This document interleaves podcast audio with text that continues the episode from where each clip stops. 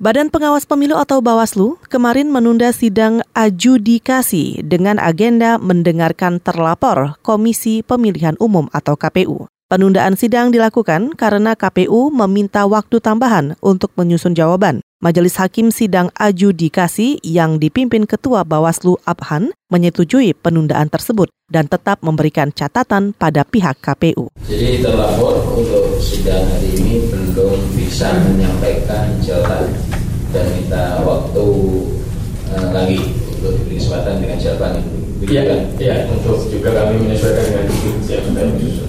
Untuk ini perlu kami sampaikan bahwa pemeriksaan sidang adjudikasi dugaan administratif ini kan dibatasi oleh waktu dan juga menyatakan. Jadi mohon untuk bisa menjadi perhatian dari saya kira hanya pihak pelapor tapi semuanya baik pelapor dan pelapor.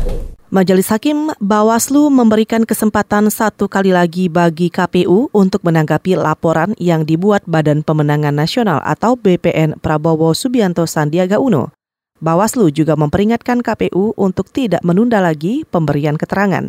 Sidang adjudikasi pelaporan dengan pelanggaran administrasi pemilu dengan terlapor KPU akan dilanjutkan hari ini sekitar pukul 1 waktu Indonesia Barat di Gedung Bawaslu.